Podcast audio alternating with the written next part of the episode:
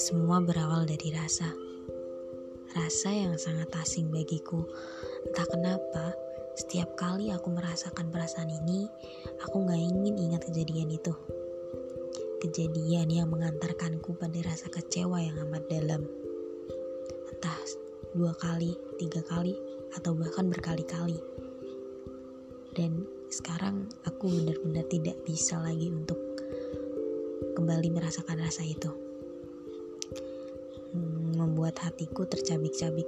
Seakan hatiku diambil, dicincang, dimakan tanpa pandang bulu.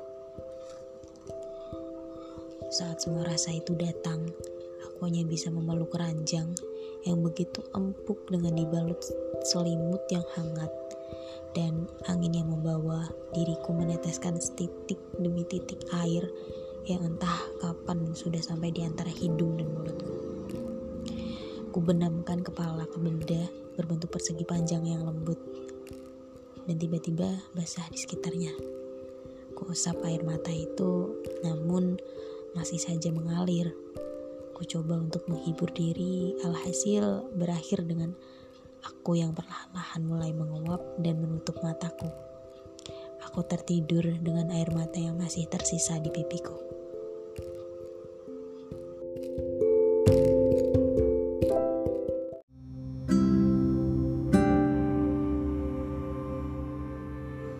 Ketika semua tak lagi sama.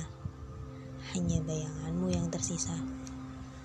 Di saat senja mulai memejamkan matanya, tingkahmu gak akan pernah lupa.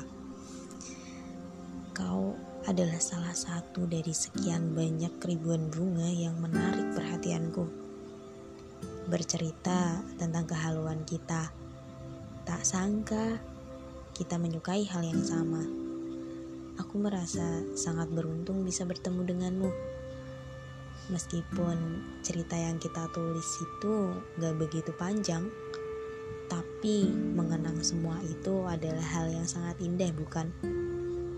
Jangan bersedih ketika kita dipisahkan oleh kesibukan, karena itu bukan penyebab sesungguhnya. Selama kalian kita masih menjadi teman,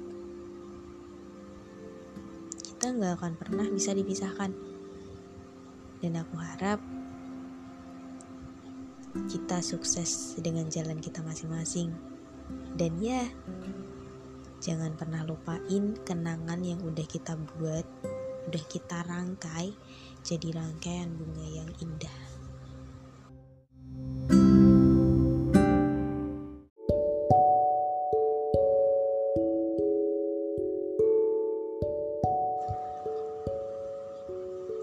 Pernah nyangka nggak?